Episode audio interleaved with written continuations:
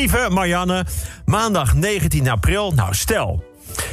Stel je krijgt een oproep om gevaccineerd te worden, zoals ik. Je krijgt AstraZeneca en je vertelt dat van tevoren aan andere mensen. Ik geef nu de meest voorkomende reacties van de mensen dicht bij me. Ga je dat echt doen? Kun je even wachten? Ze zijn niet zomaar een tijdje gestopt. Nou, hou er rekening mee dat je een paar dagen je arm niet kan bewegen. En iedereen die ik ken heeft er echt behoorlijk last van gehad hoor. Koorts, enorme hoofdpijn. Ik zou het gewoon niet doen. En het meest gehoord van bijna iedereen. Nou, dan wens ik je heel veel sterkte.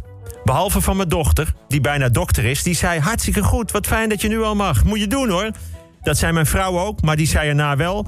Nog steeds Bruce Springsteen draaien op de crematie? Nou. Zaterdag kreeg ik dus mijn vaccinatie. Bij de huisarts. Buiten stonden stoelen voor mensen die na de vaccinatie daar moesten wachten om te zien of het niet helemaal misging. De spanning was om te snijden. Doodsbange gezichten. Soms kwam er een nieuwe patiënt. Een 60-plusser die uit een auto werd geduwd door een dochter of een zoon. Nee, nee, gilden ze. Geen vaccin, geen AstraZeneca. Maar zo iemand werd door twee zwaar getatoeëerde RIVM'ers naar binnen gesleept, vastgebonden op een stoel, verdoofd en gevaccineerd. En dan zitten op die stoel met die holle blik. Ken je Jack Nicholson in One Flew Over the Cuckoo's Nest als hij net een elektroshock heeft gehad? Nou, zo zag het. Nee, natuurlijk niet. De sfeer was relaxed, was uitgelaten. Blije mensen, ze mochten eruit, ze mochten op pad, vrijheid. Er werd gejuicht, omhelst, getongzoend en overal aan gevoeld. Natuurlijk nooit een prettig gezicht bij 60-plussers, maar toch. Nu kan ik zomaar naar het oranje feest van 538, riep er een. Oh, oh, zei een van de huisartsen. 10.000 man juichend op 400 meter afstand van een ziekenhuis. Een slag in het gezicht van patiënten en oververmoeide zorgverleners. Twee anderen waren ook blijven zitten. Er waren horecaondernemers. Ze waren woedend. Wel een feest voor 10.000 mensen, maar onze terrassen dicht. Ja, maar het is toch een field lab? We moeten toch onderzoeken wat er weer kan? Ja, waarom met 10.000 mensen? Wacht, nee, wij willen toch allemaal weer open? En ja, maar de eerste vechtpartijtjes ontstonden. De sfeer werd grimmig. En zoals altijd worden de hulpverleners aan het eerst bedreigd. Artsen begonnen woest met AstraZeneca om zich heen te prikken. En toen werd het pas echt link, want iemand herkende mij. Jij werkt toch voor 538? Ben jij voor of tegen het oranje feest? Mensen, hij is van 538. Hij is van... Tegenstanders begonnen me richting de gracht te duwen. Oké, oké. Nou, dan bel ik straks wel met de leiding van 538... en dan zal ik vragen of het niet door kan gaan. Op dat moment werd ik aangestoten. Meneer Heerschop, u zat te dromen, maar u bent aan de beurt, hoor. Wilt u de vaccinatie links of rechts? Nou, doe maar links. En dat was het. Verder helemaal geen last gehad van de vaccinatie. Lekker gekeken de volgende dag naar de Grand Prix. Want Max Verstappen heeft de Grand Prix van Emilia-Romagna gewonnen. En Max lijkt nu echt helemaal de grote uitdager voor de wereldtitel. En het kan dus een Nederlander wereldkampioen Formule 1. En dat voor iemand uit een land waar overal staat Max 100 km per uur. Ajax heeft de KNVB-beker gewonnen. Maar het winnen van die beker geeft geen recht op deelname aan de nieuwe Super League van alle rijkste clubs van Europa die nog veel rijker willen worden. En morgen is er een persconferentie. Het aantal besmettingen stijgt, de ziekenhuisopnames ook. Het R-getal is boven de 1. Kortom, ik denk dat we gaan versoepelen. Dinsdag 20 april, ja, het 538-feest gaat dus niet door. Wat misschien sinds vandaag wel doorgaat, is de Super League voetbal.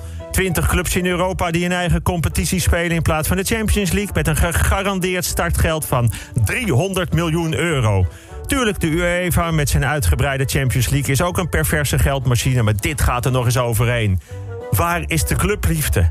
Trouw aan je vrienden met wie je bent begonnen met voetbal. Lekker voetballen en daarna douchen en daarna meters bier en een zakje chips. Waar is... Ik vind een paar ton voor de hele dag op het veld een spelletje spelen meer dan genoeg. Ja, natuurlijk. Noem me een sentimentele zak. Maar dat is een van de bijwerkingen van AstraZeneca. Verder heb ik toch gelijk. Ik ga toch ook niet naar een andere vrouw als ik 300 miljoen startgeld krijg. Nou, dat is niet het goede voorbeeld. Uh, wat is dan wel een goed voorbeeld? Willy van der Kuilen, die is overleden. Oud-spits van PSV. Mr. PSV, topscorer aller tijden van de eredivisie... met 311 doelpunten. Man met een groot hart en een hard schot. Een heel hard schot in twee benen. Meest gehoorde kreet als hij aan de bal was... was skieten Willy. En hij schoot, zoals hij later leerde aan jeugdspelers... bij dezelfde club. Altijd bij dezelfde club, omdat hij daar gewoon tevreden was.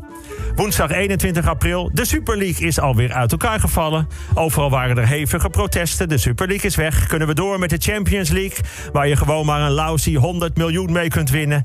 Kunnen de Engelsen weer door met hun eigen competitie... met hun bijna 3 miljard aan televisiegeld voor de Premier League. En kunnen clubs met een schuld van 700 miljoen weer door... met een speler kopen voor 80 miljoen. Hehe. Eindelijk alles weer normaal. Nou, de terrassen gaan open van 12 tot 6 uur overdag. Dat wordt 's morgens vroeg op om op tijd in te kunnen drinken. Australië doet niet mee live met het Eurovisie Songfestival. Australië doet niet live mee met het Eurovisie Songfestival. Nou, dan heb ik er ook één. Brazilië doet deze zomer niet mee met de EK voetbal. en hockeyclub Bloemendaal gaat inderdaad niet naar het tennistoernooi van Wimbledon. Ja, ik weet ook wel dat Australië meedoet met het Eurovisie Songfestival, maar dat slaat toch nergens op? Dan kun je de Tour de France ook in Nederland laten starten. Oké, maar dat is niet zo'n goed voorbeeld. Prins Philip heeft zijn eigen fotograaf gevraagd om tijdens zijn begrafenis stiekem foto's te maken vanuit een neppilaar. Hallo, er zitten dus fotografen in pilaren. Ik vertrouw niks meer. Volgens een vriend van mij zat er laatst zelfs een fotograaf in zijn vrouw. Maar dat is ook niet zo'n goed voorbeeld. Nou, donderdag 22 april. Groot nieuws. De ooit afgeknipte paardenstaart van Gijs Staverman... komt in het Museum voor Beeld en Geluid. Een geweldige aanvulling op de collectie. Het museum aast nu ook op de melktanden van Matthijs van Nieuwkerk... de verdwenen kilo's van Marie van der Linden... en een half opgegeten kroket van Linda de Mol. In aanloop naar de Spelen, over prestaties die je nauwelijks kunt geloven... even kijken of we, of we wel op de hoogte zijn van de beroemde wereldrecords. Wat is volgens jullie het wereldrecord hoogspringen? Oeh, jeetje. Zo. Bij de mannen is dat 2 meter 45. Zo. Sotomayor. Bij de vrouwen 2 meter 9. Costaninova. Ik heb het record van Jelmer opgevraagd bij zijn oude gymleraar. Dat is 82 centimeter bij de tweede poging. Zwaarste gewicht ooit getild met een menselijke tong. Met een haak in je tong. 12,5 kilo. Maar goed, dat is niet olympisch. Vrijdag 23 april. Na premier Rutte liggen nu ook de demissionaire ministers Hoekstra en Kaag onder verdenking van bewust geheugenverlies. Zoals minister Kaag het zei, ik weet niet of ik die dag fysiek in Nederland was of in Niger. Laat ik het zo zeggen, ik kom daar thuis niet meer weg. en nu is het weekend. Komende dinsdag is het Koningsdag. Woensdag is het Versoepelingsdag. Voor woensdag heb ik diverse tafeltjes buiten al met bezet beplakt. Daar ga ik lekker wat drinken en vanaf het terras mijn oude meuk verkopen. Ik wens jullie een prettig weekend.